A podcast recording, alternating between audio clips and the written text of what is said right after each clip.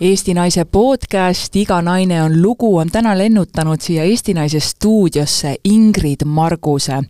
Ingridi teekond äh, Eesti inimeste ette ette ja südamesse on olnud äh, päris selline mitmekülgne. ta on äh, õppinud Tartus Hugo Treffneri gümnaasiumis, kus ta siis tegeles ka väga aktiivselt võistlustantsuga. ta on tohutult ilus, mis ei jäänud ka märkamata modelliagentuuridele, ta on professionaalina erinevatel moeshowdel üles astumas siiamaani. siis ta läks õppima üldse filosoofiat. filosoofia talle väga meeldib ja see tuleb talle täna ka väga kasuks. Aga ei, siis ta leidis, et siiski tuleb sisse saada lavakunsti kateedrisse ning seda ta ka tõepoolest tegi, õppis neli aastat ära, lõpetas, lendab kõrgelt, on mänginud seriaalides, filmides ja täna on temast saanud siis meil hooaeg saate saatejuht ning ta täiendab ennast ka koolis mikrokraadi erialal, kus ta õpib professionaalset saatejuhtimist ja toimetamist. tere tulemast! Tere, Keti! no sa oled ikka väga andekas naine, Ingrid. ja, aga samas ma tean, et sa oled tohutult töökas. et kõik need tiitlid, mis me sinu väga lühikese ea, ea kohta saime nüüd üles nimetatud, need ei ole tulnud sulle nagu lihtsalt või esimese proovimise peale. et hakkame sealt äh, algusest tulema, et mind väga huvitab, et kuidas sinust on saanud selline nii-öelda, ma ei tea, sind võrreldakse tihti Merle Palmistega, ma ei tahaks seda teha, aga, aga sa oled äh, teatrimaailmas ja ikkagi teleekraanil äh, selline nähtus ja sind väga oodatakse alati sinna ja tahetakse, et äh, kust sinust tuleb see südikus? tead, ma arvan, et see ikkagi kõik sai alguse sellest võistlustantsust, mida ma kümme aastat tegin siis. et see lõputu töö tegemine, pingutamine, nina vere, veri ninast väljas ja, ja ei ole see variant, et aa, ma olen haige, ma ei lähe trenni või et aa, ma lähen sünnipäevale mm. -mm, seda ei ole. et äh, see igas asendis ja igas olukorras enda kokkuvõtmine ja, ja pingutamine ja, ja tegutsemine ja töötamine. miks sa viitsisid võistlustantsu tantsida, miks sa ei mõelnud, et oh, olen ka, puberteediiga tuleb, eks ole, lähen sõpradega välja, äh, teen mõne peo, salaja nurga taga suitsu, mõne siidri? Tead, tegelikult see päris algus sai ikkagi sellest, et ma nägin äh, telekas äh, võistluseid ja noh, mõtle, oled väike tüdruk ja näed kõiki neid suuri ilusaid kleite ja Swarovski kristalle ja kõrgeid kingi ja soenguid ja meike. ja siis ma mõtlesin, oo, nii lahe, mina tahan ka. aga mida ma sellel hetkel ei teadnud, et laste klassitantsijaid ei saa oma kleitidele tuhandeid Swarovski kristalle ja, ja silmi pime-, pimestavat meiki. ei saa või? ei saa, et need on väga lihtsad kleidid, mis seal alguses on. ja ka kontsa kõrgus on ikkagi määratud, et see ei tohi veel väga kõrge olla et tegelikult see sai sellise visuaalse poole pealt alguse, aga minu ema oli võistlustantsija, minu isa oli võistlustantsija, nad olidki partnerid, minu onu tantsis võistlustantsu, et see meil kuidagi perekonnas niimoodi olnud ja täna sa oled äh, nii-öelda professionaali tasemel, nii-öelda oled ammu ameti maha pannud, aga, aga kui kuuled, niisugune mõnus rumba käib või väike tango, kas lähed? jalg hakkab tatsuma küll ja, ja puusad hakkavad liikuma selles mõttes ja et see tantsija ei ole kuhugi minu sees kadunud. ja ma mäletan, et ma tegelikult võistlustantsu lõpetasin oma vigastuste tõttu, mul oli väga raske seljavigastus, niimoodi, et kui olid Saku Suurhallis meistrivõistlused, siis ma pidin poole pealt tantsisime tša-tša-tšaad minu arust isegi, ma pidin katkestama, sest see valu lihtsalt oli nii suur ja neid, isegi need valuvaigistid, mida ma pihutäitega sõin, ei, ei aidanud. mis seljavigastus sul oli siis? Äh, seal olid, diskid olid nagu natuke paigast nihkunud ja see äh, standardtantsudes see asend, ma näitan sulle, teised võib-olla ei näe. nii, ma kirjeldan. on äh, ta painutab enda ülakeha täiesti niimoodi nagu taha nagu vibusse tõmbab. Ja siis tal parem käsi on niimoodi üleval nagu tantsupoosis. Ja siis issand, see on nii keeruline, oota ma proovin seda järgi proovi, proovi järgi. mul ei lähe, mul ja ei lähe. mõtle kümme aastat niimoodi diagonaalis natuke ja selg taha ja rind üles ja siis naerata laialt, sest sul on väga hea olla ja sa naudid seda kõike. aga kuidas see selgroog üldse niimoodi paindub, et kas see ei ole kuidagi nagu ebardlik äh, positsioon? no ta ei ole võib-olla kõige nagu loomulikum, et selles mõttes äh, natuke nagu balletitantsijatega, et äh, et ilu nimel ähm, peab ka natuke kannatama et, et selles mõttes jaa, aga nüüd on väga palju paremaks läinud kogu see füsioteraapia teema, et, et ka tantsijad saavad väga palju sellist äh, abi kõrvaltpoolt, et, et nad peaksid võimalikult kaua vastu ja, ja ei teeks endale nii palju liiga. sa õppisid samal ajal äh, Tartus äh, Hugo Treffneri gümnaasiumis, enne seda olid mujal, aga keskkoolis olid Treffneris? olin Treffneris, jaa. ja Treffner on selles mõttes ikkagi Eestis ka väga tipptasemel kool ja mina ka Lõuna-Eesti tüdrukuna tean, et, et meid ikkagi saadeti kõik tervet klasside viisi rongi peale, et minge Treffnerisse katsetele, sest et noh, kui sinna sisse saad, siis on sul elu nagu tehtud. et äh, mis mälestused sinul sellest nii-öelda tippkoolis käimisest on? kõige eredamalt on mul meeles meie kirjandusõpetaja Helgi Tering ja sellel ajal ma hakkasin päris palju kirjutama, erinevad konkursid ja võistlused olid, eh, läks seal päris hästi, ja, ja tema oli mitte ainult kirjanduse õpetaja, vaid ta oli väga suur välispoliitika huviline. nii et iga kord, kui me tundi läksime, siis me saime jälle midagi teada, mis maailmas toimub. Ja, ja ta kuidagi innustas meid lugema, kirjutama, uurima, et ta avas väga-väga palju seda maailma. kas sa olid viieline õpilane kindlasti mitte siis ma kujutan ette, Rehneris seal on äh, juba, kui on selline tugev rasvane kolm, siis see on juba väga-väga hästi. et jah, päris viieline selles mõttes ei olnud, aga aga jaa, et, et see andis kindlasti palju juurde ja see seltskond oli, oli väga kihvt.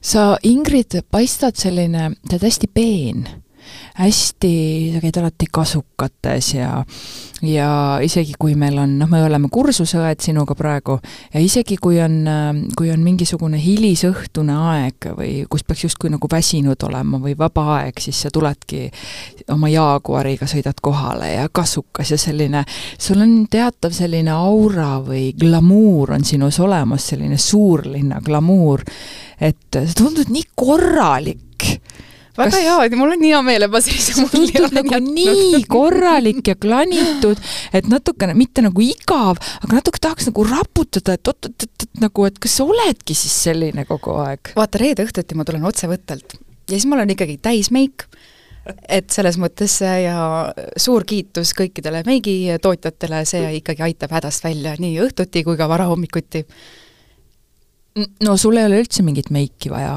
sul on äh, näonahk on nii klaar, et äh, et ma arvan, et sind võiks ükskõik missuguse ajakirja esikaanele panna niimoodi, et noh, et sinna peaks Photoshop ima juurde mingisuguseid iluvigu ja ikka see oleks kõige ilusam.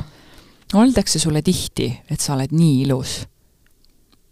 ikka, ikka vahepeal öeldakse ja, ja võtan selle tänutundega vastu, sest et see enda armastamise teekond, see on tegelikult ju hästi-hästi pikk protsess ka sinu puhul? ikka, muidugi. kuidas ja. sa ennast siis peeglist vaatad, mida sa siis näed? mis ma näen? ma näen esimesena ikkagi silmi, sest silmad on ju hingepeegel. jaa. ja see, et kuidas olla enda vastu hea, tuleb ka ajaga minu arust. sa oled täna kui vana meil nüüd? kakskümmend üheksa. ma just mõtlesin, et kolmkümmend veel ei ole minu ei teada, ma mõtlesin, jumala eest, ära nüüd ütle, et et naine on vanem, kui ta tegelikult on aga, aga saad sa aru, et sa oled äh, väga paljudele noortele naistele eeskujuks? jaa, tead, see vist tuli selle lõksuga, ma varem ei tajunud seda sellisel kujul, aga kui see krimisari Lõks eetrisse jõudis, siis väga paljud tüdrukud just äh, kuidagi tänava peal tulid ja kallistasid ja ja seda fenomeni ma olen varem ka avastanud, me tegime ühte suvelavastust äh,, Vana klaver, ja seal olid äh, lauljad ja nad iga kord tulid ja kallistasid, see on üli, üliarmas kallistasid ja mis nad ütlesid sulle siis ka midagi? ikkagi ütlesid ühte ja, ühte ja teist, aga selles mõttes see, selle väikese inimene siiras kallistus ja tänu selle eest, et sa olemas oled, on äh, väga suur asi. aga sa siis, sa siis äh, ikkagi, ma tahaks natukene nokkida, et sa siis ei ole kogu aeg nagu selline, selline glamuurne või? ei ole, kuule, sa oleks pidanud nägema mind seal Fashion Weeki viimasel päeval, ma olin terve nädal pildistamistel käinud ja neid moeshow'sid kõndinud, kandnud, ma arvan, üle saja erineva outfit'i, sest noh, photoshoot ka vahetad kogu aeg, on ju. ja siis mul oli hommikul selline tunne, et ma ei taha mitte ühtegi kleiti panna mit-, nagu ja mitte ühtegi kingapaari näha. ja siis äh, üks äh, sõbranna kinkis mulle tunked, sinist värvi suured tunked. Ja siis ma libistasin need jalga ja nendega oli väga hea olla. aa jaa, ma isegi nägin sind nende tunkedega, ma vaatasin, oo, et see on mingi uus nii-öelda moesuund, ma mõtlesin, oo, kas peaks endale ka tunked soetama kuskilt, need olid väga ägedad.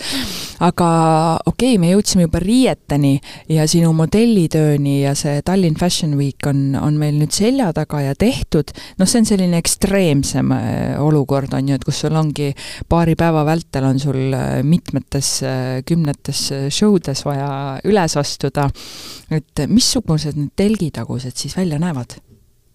seal on üldjuhul väga palju äh, sellist sibamist, sabimist, kiirustamist, äh, üks läheb meiki, teine läheb soengusse, äh, lavaproovid, kus me seal kõnnime ühte ja teistpidi ja ja siis seal on alati sellised abilised, kes püüavad seda disaineri visiooni sinna lavale nii-öelda ellu, ellu viia et äh, see on väga põnev, põnev, põnevad telgitagused ja selles mõttes ma ei pea ennast kindlasti modelliks, et äh, ma arvan, et see aeg selles mõttes on läbi, et pigem ikkagi näitleja, et äh, jaa, mulle tundub, et see modelliaeg jääb niisugune viisteist pluss ja noh, sealt ülesse selles mõttes. et siis ongi, modellid ju peavad ka üsna kiiresti pensionile minema Nad ikka jah, lähevad küll et viisteist pluss alustavad ja kaheksateist siis on juba äh,, see on nali. on juba vana inimene. ja, ja, ja see on nali muidugi.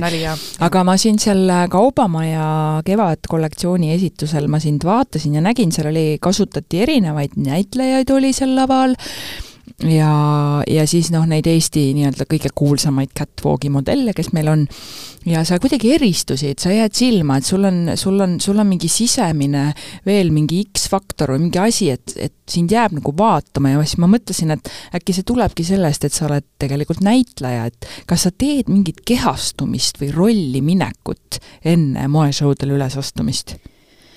Mm, ma mõtlen küll ja ma mõtlen selle peale, et ma tahan ma soovin olla sellel hetkel see valgus, armastus ja tänulikkus, et kiirata kuidagi läbi enda, läbi silmade, läbi südame seda sealt kuskilt kõrgelt-kõrgelt ülevalt alla tuua ja välja kiirata. ehk siis sa mediteerid? selle kohta võib ka meditatsioon öelda. mediteerid sa muidu igapäevaselt?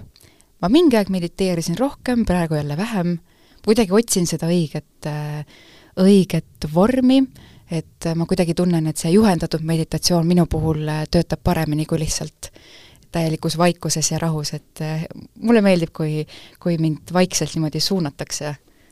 ma ise olen ka nüüd proovinud, hakanud harjutama, et hommikuti, kui ma üles ärkan, et esimese asjana ma joon oma klaasi vett ja siis panengi kohe, no ma olen praegu Youtube'ist otsinud mm -hmm. mingeid erinevaid meditatsioone, et ma ei ole kuskil teinud mingit tellimust veel, ma ei näe mõtet, siis ma mõtlesin, ma veel praktiseerin nii ja minule sobib ka see, kui keegi mind juhendab.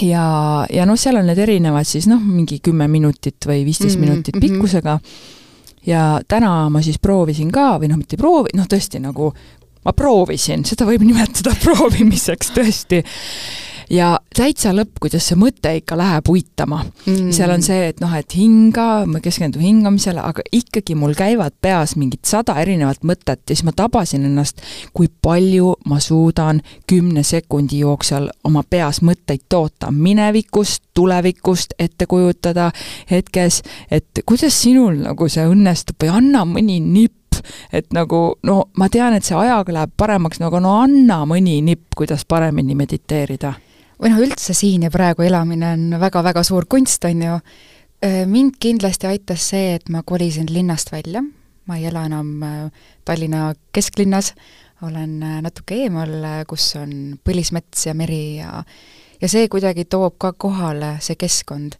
et ei ole väliselt enam nii palju mingeid sireene ja autod ja mingi müra ja niisugune nagu muu sigin-sagin. et ta on kuidagi nagu igas mõttes vaikne ma ei tea, vahepeal ei näe mitte ühtegi autot isegi liikumas, et selles mõttes see vaikus ja rahu kindlasti on mõjutanud väga palju, aga meditatsioonide koha pealt minu üks suur lemmik on Louise Hay. ja tema hääl, see on täpselt nagu selline armas vanaema hääl, selline turvaline, soe, täis armastust. et tal on hommikumeditatsioonid, õhtumeditatsioonid, erinevad sellised loenguvormis äh, jutustused ka et kuidagi hästi mõnus on. ja Visioni meditatsioon, Six Phase Meditation, äh, Mindvalley äh, looja oma, on, on ka väga hea. See Mind Valley on äh, viimasel ajal aina populaarsemaks saamas Eestis ka, et ma olen ise ka suvel väisasin ühte nende sündmust, aga ju ma siis ei olnud vaimselt veel päris valmis. et mul oli tegelikult võimalus kolm nädalat olla seal ülikoolis ja nüüd ma nagu kahetsen, et äh, ma ei olnud järelikult seal kohas. täna -hmm. ma ilmselt olen vaimselt kuidagi nagu rohkem lahti või nagu endale valmis seda ruumi sinna tekitama aga, aga ma ja kuidagi, ma olin, ma olin nagu häiritud. Ma ei oskagi öelda, et, et ma ei leidnud endas, endas seda kohta üles, et mis annaks mulle sellist rahus olemist ja ja mediteerimist ja, ja tegemist, et, et väga huvitav, et sa selle Mind Valley praegu äh, välja tõid ja selle visioni, aga meditatsioonist rääkides, siis äh, ma saan aru, et see aitab siis sinul valmistada ennast ette siis äh, lihtsalt olemiseks või siis nagu töö tegemiseks, et on see sinu nagu rituaal igapäevane või kui palju sina meditatsiooni kasutad? ma väga sooviksin, et seda oleks minu elus rohkem ja öeldakse, et kui aega ei ole, et siis selle kümne-viieteistkümne minuti asemel mediteeri tund aega. et äh, ma soovin, et seda oleks mu elus rohkem ja ainuke võimalus, kuidas seda saavutada, on lihtsalt see aeg võtta ja väga teadlikult. ja, ja igal juhul see aitab kuidagi, just need mõtted, mis lendavad ja tulevad ja lähevad, et see aitab seda natuke nagu tasakaalustada ja maha rahustada. Ja see ka, et, et siis mingid asjad jäävad paremini meelde, mingid olukorrad ei aja närvi niimoodi, et oled kuidagi rohkem oma keskmes. kui sa näitlejana valmistud ette, ütleme noh, sa oled mänginud seriaalides, filmides, siis sa proovisid ka ülelombi New Yorgis äh, ja Inglismaal olid pikalt, äh, nii kooliga kui ka peale seda, et sa oled äh, käpakesega natukene seal katsunud seda, seda suure filmi- ja seriaalitööstuse maad ka, räägi sellest natukene, kuidas seal oli? Londonis ma käisin tegelikult Erasmuse raames, see oli lavaka jooksul et kogu kursus siis lendas äh, Londonisse, me olime ühe semestri seal kohapeal ja mm, see oli väga-väga kihvt, et äh, üks oli see õppimise pool, aga teine oli see, kui palju ägedat teatrit me nägime. et ma, mulle tundub, et äh, teatritudengi teel on see nii oluline näha seda kogu ampluaad, et neid erinevaid värve ja kogeda ja, ja ja mõtestada seda enda jaoks, et see oli väga kihvt periood. ja siis hiljem peale lavakat ma läksin New Yorki õppisin seal siis filminäitlemist. sa läksid õppima ma sinna? õppima, jaa. mis kooli siis? see oli Lee Strasbergi teatri- ja filmiinstituut. jaa. Pole kuulnudki see on sa üks väga-väga kihvt väga hea, nii, nüüd noored, äh, kellel on äh, soovi ja huvi, jätke see meelde, see nimi, nii, sa läksid sinna õppima, kui kaua see kursus kestis? see oli, äh, noh, seal saab ka kaks aastat õppida, aga see oli selline üks semester, mis ma tegin seal kohapeal. mis selline asi üldse maksab? Selle tasu on kuus tuhat dollarit semester. kust selline raha võetakse? vaba raha no selles mõttes ähm, ähm, ma võin öelda, et see oli tänu ühele maalimüügile. selge äh,. kus äh, selle nimi töö nimi oli Queen of Love äh,, Martin tegi minust ühe maali ja sellel oli üks huviline, kes soovis selle osta teatud summa eest, siis ma ütlesin, et see ei ole võimalik, et me peame minema New Yorki ja tema läks ka kooli mille õppetasu oli sama palju. ja siis ma ütlesin, selle töö hind on kaksteist tuhat. noh, meie kooli tasu mm. -hmm. ja me ei oleks kuidagi teistmoodi sinna saanud. ja siis läks äh, kuskil kolm päeva mööda, oli näituse avamine ja see töö osteti kaheteistkümne tuhandega ära ja me saime minna kooli. ja see töö oli maalitud sinust? jah ja selle maalis sinu elukaaslane Martin Saar, kes on kunstnik ja kes, kellel oli samuti raha vaja. Et minna kooli. Vau, no näed, selles mõttes sa ju ise kutsusid selle, selle hea õnne endale ellu. selge, niimoodi saab raha teha, õppige. ja aga selles mõttes äh, ka Kultuurkapital toetas ja, ja tegelikult on neid fonde ja kohti veel, kust äh, on võimalik äh, taotleda sest ma just mõtlengi, et äh, hästi palju sellist enesearendamise poolt jääb äh, raha taha, sest mm -hmm. Eesti on meil ikkagi väike ja meil ei liigu need sellised numbrid, nagu meil Ameerikas liiguvad, eks ole, ma mõtlengi, et sul peab olema, kas keegi paneb õla alla, on ju, või et kuidas sa siis saad ennast lihvida ja veel paremaks saada, räägi sellest New Yorgist veel, said sinna kooli, nii, õppemaksuraha oli olemas, nii, saite elama ka, mis siis juhtuma hakkas? Jaa, no selle elukoha leidmisega oli ka ikkagi selline suur, suur tegemine, sest et äh, teatavasti ka üürihinnad Manhattanil on üüratud ja siis me kolisime ühte korterisse, mis oligi Manhattanil, üürisime tuba. Seal on niimoodi, ma mäletan ka, mul üks sõbranna elab siiamaani äh, New Yorgis juba üle kümne aasta artisti viisaga ja temal oli siis tuba Äh, ta elas alguses Brooklynis, nüüd ta on seal Manhattani kuskil küljes.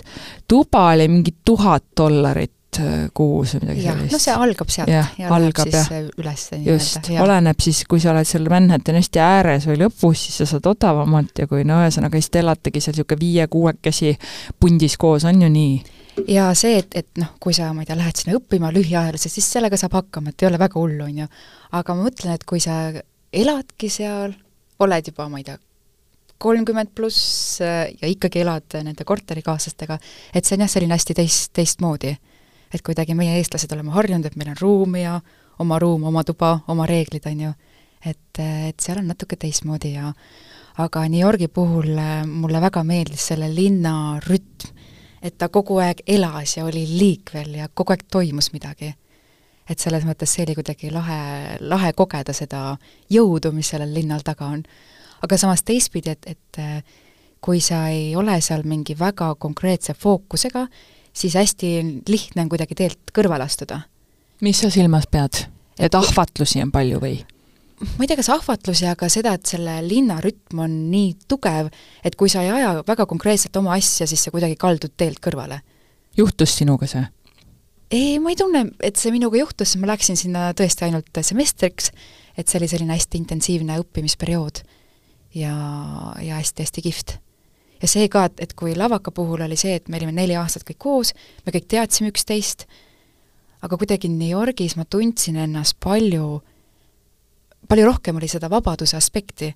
just selles mõttes, keegi ei tea mind, keegi ei tea, ma ei tea, minu piire, minu oskuseid, noh, mitte midagi, on ju, et, et saigi kuidagi katsetada ja ja ma julgesin võib-olla seal rohkem ma ei tea, kas ennast lolliks teha või, või nii-öelda vigu teha kuidagi, et, et äh, seda oli, oli rohkem mis, mis te seal siis, missugused need tunnid välja näevad siis ühes, ma kujutan ette, maailma ühes kõige ägedamas äh, filmikoolis, kuhu kõik tahaksid minna?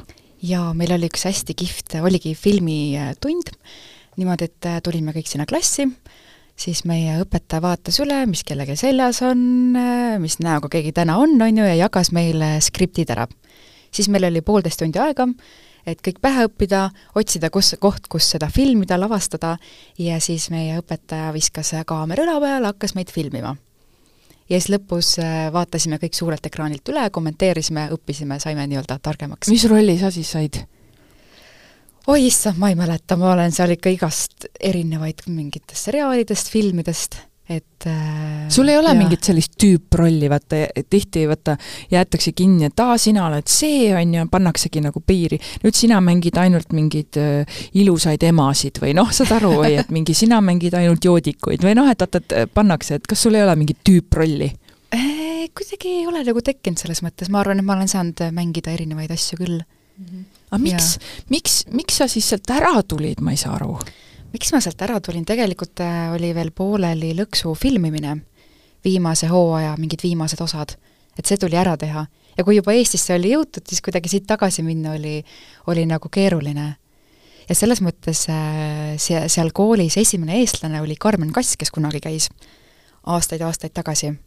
on seal veel mõni eestlane peale Karmen Kassi ja Ingrid Marguse õppinud? ma hetkel ei tea äh, kas sinna on keegi veel pärastpoole jõudnud, aga jah, et Karmen oli, oli esimene. Ja kuna kõik need näitlejad olid seal üle maailma kokku tulnud, siis äh, nii huvitav oli, oli nagu, ja ka väga erinevate tasemetega, aga ma mäletan seda hetke, kui ma tegin ukse lahti, kõndisin sisse, noh ikka vaatad, et noh, mis värk on ja kes seal on, ja siis seal ühes nurgas istus üks Argentiina näitlejanna ja kohe tekkis selline ülitugev side ja me oleme siiamaani väga, väga lähedased sõbrannad et ma võin öelda, et, et peale selle, et mingid uued oskused, mõtted, ma sain sealt ka ühe väga, väga toreda sõbranna. missuguseks sa hindad enda taset, kui sa olid nüüd läinud lavaka lõpetajana, läksid sinna New Yorki? et sa ütlesid, et erineva tasemega oli neid näitajaid üle mm -hmm. maailma, missuguse, mis, kuidas sa tundsid, sinu tase? Äh, selles mõttes ma arvan, et Eesti lavakunstikool annab ikkagi väga tugeva põhja et selles mõttes see eesmärk ongi see, et nelja aastaga anda sulle nii-öelda need käsitööoskused kätte, mille pealt sa saad juba edasi luua ja teha ja, ja selles mõttes jaa. olid sa siis tasemel, kui sa läksid sinna New Yorki? ma arvan, et olin küll arvad, said õpetajatelt kiita? sain, sain. nii, mis sulle öeldi siis, mis sinu plussid on? Mis minu plussid on? nojah, et sa pead ju teadma selles mõttes, et äh, seal on ju, Ameerikas eriti on see elevator pitch, lifti kõne, sa pead kohe ju teadma, pa-pa-pa-pa-pa, milles sa hea oled, noh. selle yeah., selline tund oli nagu business in acting. mida andis ka üks Argentiina õppejõud, äh, pilt ilus meesterahvas mm., kõik tüdrukud äh, selleks tunniks olid eriti hästi riidesse pannud aga tema just julgustas meid nii-öelda endast teada anda sest casting director ei kujuta ette, et sa võiksid üldse eksisteerida. et just see, et sa saadad välja oma infot, oma pildid, äh, CV-d, äh, showreel'id, asjad, et, et sa annad neile märku, et hei, ma olen siin, et äh, seda enesemüümist tuli sealt küll päris palju, et et just nagu jul-, julgelt teada anda. või ka see, et, et kellega sa soovid koostööd teha näiteks. kellega sa soovid siis? no no neid on, on parajalt jagu, aga, aga ühesõnaga, et eh, julgelt ühendust võtta.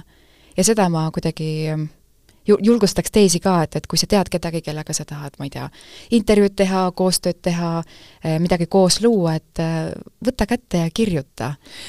mulle tundub ka, et kuidagi Eestis eriti ma pole vaata teiste riikide näitlejatega niimoodi kokku puutunud, et kuidagi see tundub justkui nagu tabu, see enesemüümine natuke on nagu nendel endal on peas, et ah, kuidas, et ma ootan, millal mulle helistatakse, mitte ainult näitlejatel, muusikutel ka, ei, ma ootan mm, -hmm. millal mind kutsutakse. tegelikult kas nagu... ei ole mingis mõttes nagu ego teema, et ah, ma olen nii tähtis, nii tark, nii ilus, nii hea, et noh, nüüd helistage mulle, ma nüüd siin ootan aga võib-olla tõesti ongi küsimus egos üldse, et kuule, ma olen ju nii hea ja no nii ilus ja no nii proff. no kuidas te ei helista mulle ja siis sa jäädki istuma ja mitte keegi ei pruugigi helistada, sest nad ei tea et sa oled väljas, võib nii olla? võib, võib küll, jah. no aga kuhu sa siis oled saatnud oma neid igasuguseid showreel'e ja asju, tegid sa siis seda, mis sul Argentiina ilus meesõppejõud soovitas? tegin, tegin ja see on umbes mingi kümme protsenti, kes võtab vaevaks, et sulle tagasi kirjutada, sind kuhugi võib-olla listi panna, lisada, et, et äh, jaa aga noh, Eesti puhul ka, et, et meil on äh, teatud casting direktorid, kes valivad neid näitlejaid, kes kutsutakse siis casting ule, on ju, et äh, ma julgustan teisi näiteid ka, kui keegi peaks kuulama, et lihtsalt võtke ühendust ja andke märku, et isegi mina siin. vahepeal saadan, äh, kui ma näen mingit põnevat projekti mm., mingi rahvusvaheline mm -hmm. reklaam või asi, nüüd pole tükk aega enam teinud seda, aga aga kuidagi täitsa nagu mõtlesin, no miks mitte, miks ma ei või proovida. et äh, mis vahet seal, las läheb Inglismaale või kuskile mingi äge reklaam, kus ma mängin mingit sutsu. et minu, minu tele, teletöötamine, kaamera hirmudest ülesaamine niimoodi algaski, et ma niimoodi saatsin ja siis oli mingi mass kuskil, et mind ei näidatudki üldse. kuidas sinul selle kaamera tunnetusega on, et et, et äh, sa oled seal ees pidevalt, et, et kuidas sa selle mugavuse enda jaoks oled tekitanud? minu teekond sai ka tegelikult alguse läbi modellitöö ja siis ma tutvusin päris palju produtsentidega ja kuidagi Eestis on see, et äh, reklaame, filme, seriaale teeb enam-vähem üks sama kamp. noh, mujal välismaal on see, et reklaame teevad reklaamiprodutsendid ja filme teevad filmiprodutsendid, et see on nagu hästi suur vahe. aga meil siin ei ole, siis ma sain sealtkaudu tuttavaks ja selles mõttes see kaamera äh, tutvus kaameraga on nagu äh, pikemat aega juba, juba käinud ja ja eks alguses on ikka see, et esimesed katsetused on natuke rabedamad ja ja mida aeg edasi, seda, seda paremaks ja kindlamaks läheb. no sind on nüüd äh, lausa kutsutud äh, Kanal kahte hooajasaate juhiks ja alguses sa tegid seal natukene vähem ja nüüd sa oled täitsa täiskohaga, teed seda saadet, mis on siis laupäeva hommikuti kenasti eetris, et mina vaatan ka seda saadet ja mulle tundub, et sa oled läinud aina paremaks et äh, räägi sellest, kui sulle see pakkumine tehti, et äh,, et kuidas sa selle vastu võtsid? ma võtsin selle väga suure rõõmuga vastu, kõige suurem hirm oli see monteerimine, kuidas ma sellega hakkama kas sa ise saan? pidid siis monteerima hakkama või? Jaa, selle nii-öelda musta rea paneb saatejuht ise kokku. ja siis on äh, monteerija, kes teeb selle kõik ilusaks, paneb katteplaanid peale, teeb selle noh, nii-öelda nagu vaadatavaks. oota, mitmekesi te siis käite nendel salvestustel? Äh, salvestusel ongi saatejuht, äh, operaator ja, ja vahepeal on ka toimetaja kaasas nii, ja ega sa ju ise ei pea neid teemasid ometigi sinna valima? ei, meil on ka müügiinimesed ja, ja selles mõttes äh, ja, ja ei, ei pea ise äh, teemasid kohale tooma. ja siis sa saad selle musta materjali, istud selle portsu otsas ja sul on vaja saada kokku pooletunnine saade, noh, reklaamidega ka, see on siis kuskil, mis ta siis on, mingi kaheksateist minutit või? Mingi kakskümmend, midagi niisugust, jah. No nii, kakskümmend minutit materjali. ja siis esimesed korrad istusid seal oma materjaliga, kaua sa seda kahtekümmet minutit siis kokku panid? Õnneks äh, meil on väga tore monteerija, kes istus mul ilusasti kõrval, kuigi jah, esimene kord ma mäletan, kui ma seda montaaži õppisin, siis ma mõtlesin salaja, et okei okay,, oita, kui palju ma pean sellele monteerijale maksma, et ta selle minu eest ära teeks. see tundus kuidagi nii keeruline, aga selles mõttes see sai ajaga ikkagi ilusasti selgeks, ei ole tegelikult üldse nii keeruline ja, ja kõik on, on upitav ja ei olnud sellel monteerimisel ka midagi viga. ja nüüd mulle tegelikult täitsa meeldib see, et seda on vahva teha.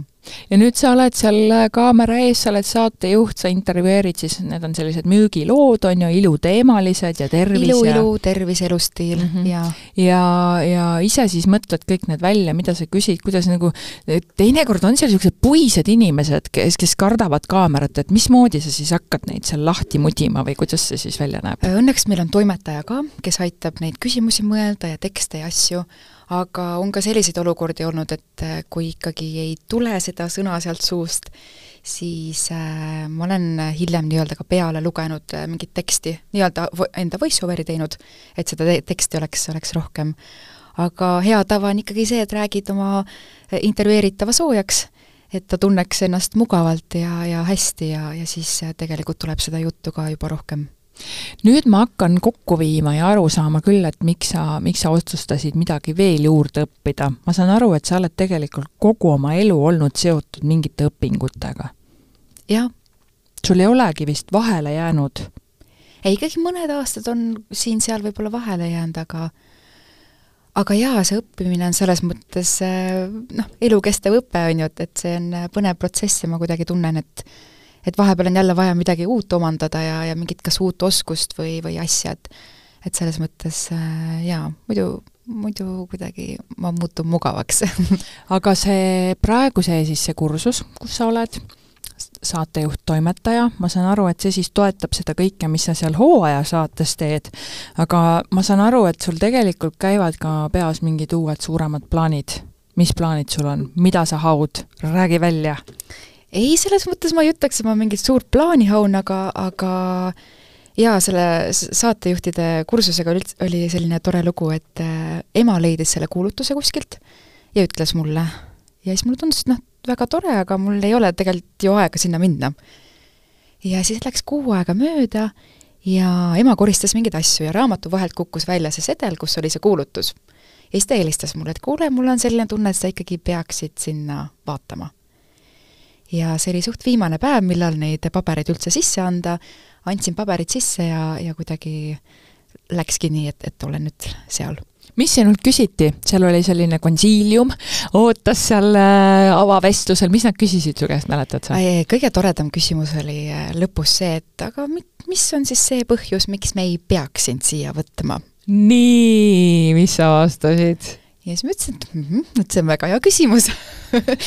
Et selles mõttes, et äh, ma arvan, et äh, ma olen väga hea kandidaat, aga selle otsuse te peate ikkagi ise tegema, et keda te võtate ja keda mitte, et aa, niimoodi ilusasti, väga intelligentselt, soliidselt äh, slikerdasid ennast ikkagi sealt välja, on nii? elukutseline suslik oh,. elukutseline suslik, kõlab väga hästi, Ingrid Margus, elukutseline suslik ähm,. ma tahaks teada, kuidas see elukutseline suslik oma igapäevaelus nii-öelda, kui sa ei ole kaamerate ees, kaamerate taga, ei monteeri, ei tee, missugune see suslik kodus on? kodus, äh, ma olen selline mõnus, hõljun, hõljun ühest toast teise, teen oma asjaajamisi, käin looduses, teen trenni. mis trenni sa teed? tead, kuna see ajagraafik on selline mm, ettearvamatu mul, siis äh, ma läksin Egle Nabi juurde ja palusin tal teha endale treeningkava tõsimeeli. jaa, sest ega ma jõusaalis ei oska midagi teha ilma selle treeningkavata. nii. ja siis äh, kolm korda nädalas käin jõusaalis ja, ja korra käin joogas. ja vaata, kui salaja sa oled seda teinud.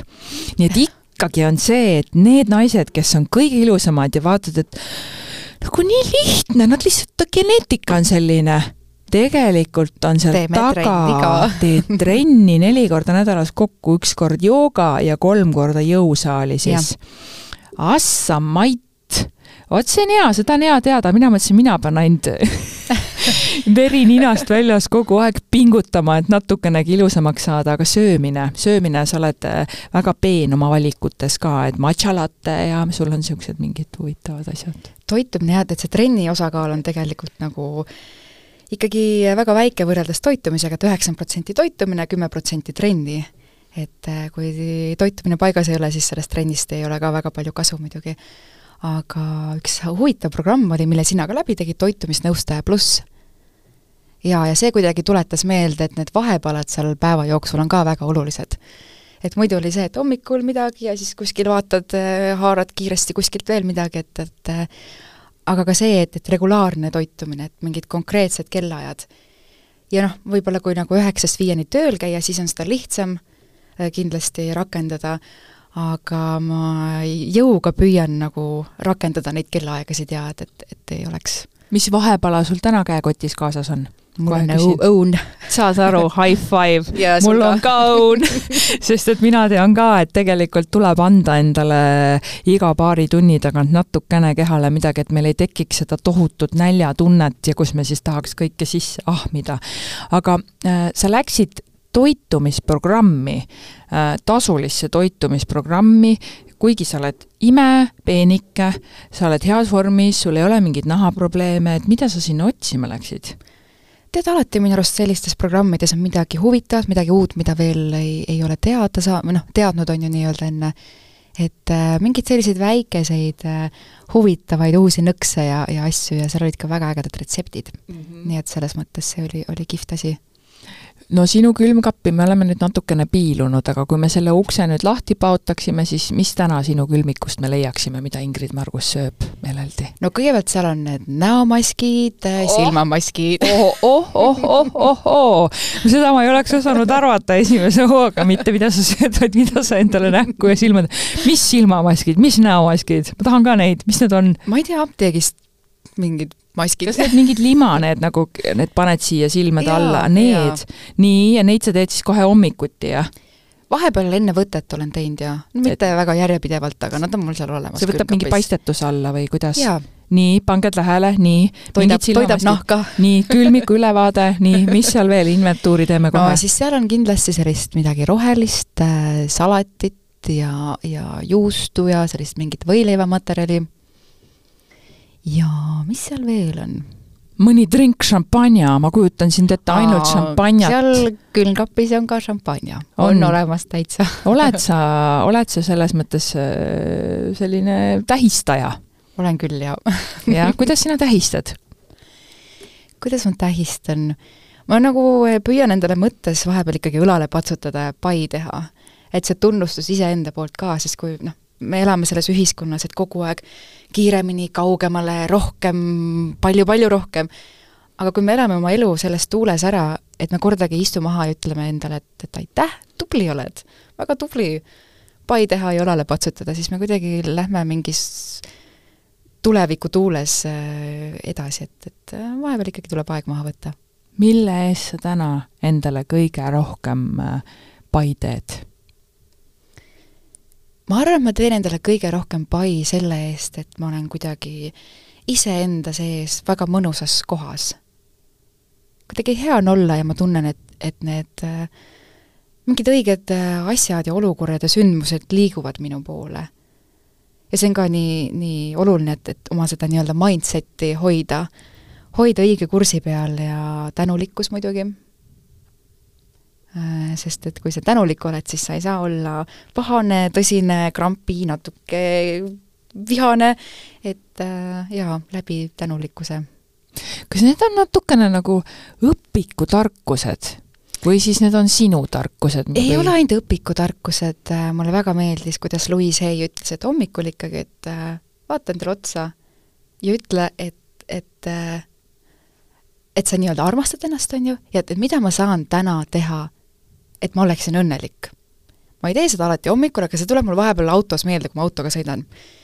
ja siis ma mõtlen selle peale, et jaa, et, et, et mida ma saan teha, et ma oleksin täna veel õnnelikum ja, ja veel paremas kohas iseenda jaoks ja iga kord, kui ma selle peale mõtlen, ikkagi mu suunurk äh, kisub sinna ülespoole. et äh, selleks ei peagi alati olema mingi konkreetne vastus, et jaa, nüüd hakkan paremini toituma, teen rohkem trenni, vaid piisab sellest ühest väiksest mõttest ja juba alateadlikult me teeme neid õigeid samme selle parema tuleviku poole. jaa, see kõlab täitsa, see kõlab täitsa mõnusalt mm.. niimoodi ma täna hommikul ka, kui ma seda meditatsiooni kuulasin, siis seal oli ka, et mõtle läbi need tegevused, mis sul täna tulemas on mm, -hmm. ja siis kujuta ennast nagu sinna ette, ma olen selline peast pildimaalija, väga selline osav. et, et kui sa räägid siin ka, ma ei tea, kas oma New Yorgi koolist või oma külmikust, ma kujutan reaalselt peas ette, mis kuigi ma pole kunagi juures käinud, ma pole ka New Yorgis seal koolis käinud, ma kujutan nagu ette oma, et mul hakkab mingi pilt liikuma et siis see meditatsioon on ka eh, selles mõttes selline heade mõtete visualiseerimine ja ennast heasse kohta viimine. Eh, pärast ju noh, sa lood peas selle juba valmis ja siis, kui sa oled selles olukorras, siis, siis see tekibki. jaa, juba sujubki kõik palju paremini mõnusamalt ja lihtsamalt, on ju. ja see ka, et ikkagi me elame infoühiskonnas ja ja tänu sellele internetile ja kõigele meil on seda infot nii tohutult palju, et äh, mis käib meie telefonist, raadiost, arvutiekraanilt läbi, on ju, et see kõik ju alateadlikult programmeerib meid. Ja siis ongi oluline iseennast äh, nii-öelda vastu programmeerida, et kuulata kas mingeid häid mõtteid, head muusikat, äh, natuke kongi vahele, et kuidagi maha tuua sealt äh, virvarrist, mis, mis muidu oota, mis asja natuke kongi vahele, mis see tähendab uh,? Youtube'is helikausid, kongid. okei okay,, see on midagi uut, vaata, nii lahe. kuulata head muusikat, kuulata häid mõtteid ja natuke kongi vahele, et see tuli sinul nii, sinu puhul nagu nii tavaliselt, et muidugi, aga inimesed ei kuula kongi vahele, ma, ma siis proovin ka, et seal on siis mingi kongi muusika, mis see teeb siis sinuga? tegelikult helikausid ka on ju ähm, puhastavad meid nii-öelda, tõstavad vibratsiooni, et selles mõttes äh, just rääkisin ka ühe inimesega, et, et äh, tegelikult ei ole väga suur vahet, kas sa oled päriselt füüsiliselt selle helikausi juures või sa kuulad seda heli siis, ma ei tea, Youtube'ist näiteks, on ju. et see mõju on ikkagi päris hea. Need on siis äh, muusikas äh, äh vibrat-, ühesõnaga see helikaust tekitab sellist vibratsiooni ja võnkeid, mis siis annavad su ajule, biokeemiale, üldse kehale mingisuguse sellise lõõgastuse. helilaineid ja, ja. helilained -hmm. on ju ma vi-, kuidagi niimoodi mõtlen, sest on olemas need alfa waves ja delta waves, et kuidas sa saaksid ennast paremasse unne ja kuidas päeval oleks parem fookus, need on mm, erinevate mm -hmm. sagedustega. et äh, ma olen ise hakanud neid kuulama ka. et aga seda kausi asja ma pole praktiseerinud, aga ma tean, et neid müüakse sellistes, see on selline esoteeriline ehm, Ma ei tea, kas see on esoteeriline, aga selles mõttes äh, ma kuidagi tunnen, et see töötab, jaa ehk siis sinul stressi pole, sest ei, ma ei saa öelda, et stressi ei ole on, on natuke stressi? ikka on vahepeal muidugi. aga mis sind pinge ajab siis? no pingesse ajab see, kui väga palju asju toimub korraga näiteks. ja siis kuidagi jagad ennast kõik, kõikide nende asjade vahel ja siis tihti on see, et oot-oot, kas ma olen kindlasti kellelegi unustanud kirjutada, helistada, midagi kokku leppida et äh, aga selle jaoks ka meditatsioon on väga hea või lihtsalt istuda vaikuses ja korraks mõelda, et oota, mis siis täna tuleb? Väga mõnus, Ingrid, sinuga on olnud selline kuidagi lendav rääkida, sa meenutad mulle oma olemuselt natukene Kristiina Ehinit. Mm.. et ta on ka selline nagu haldjakene ja siis äh, sa jätad mulje või võib-olla see ongi nii, et kõik tuleb justkui hästi kergelt. Ja et sa lähed kõigest nagu uh, niimoodi sujuvalt läbi, niimoodi nagu märkamatult ja kõik läheb hästi ja juhtub.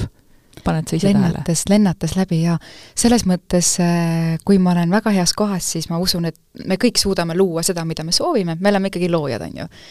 ja oma mõtete ja, ja selle õige, õige suunaga nagu kutsuda oma ellu seda, mida me soovime. aga kui on vahepeal mingi väike ebakõla, siis need asjad kuidagi ei juhtu või läheb kauem aega, on ju, et äh, ma arvan, et ongi kõige tähtsam see, et, et ennast hoida selles õiges ja heas voolamises. ja siis juba voolab kõik muu ka no olge siis nagu Ingrid Margus ja voolake ja lennake läbi kõikidest asjadest, aitäh sulle täna tulemast!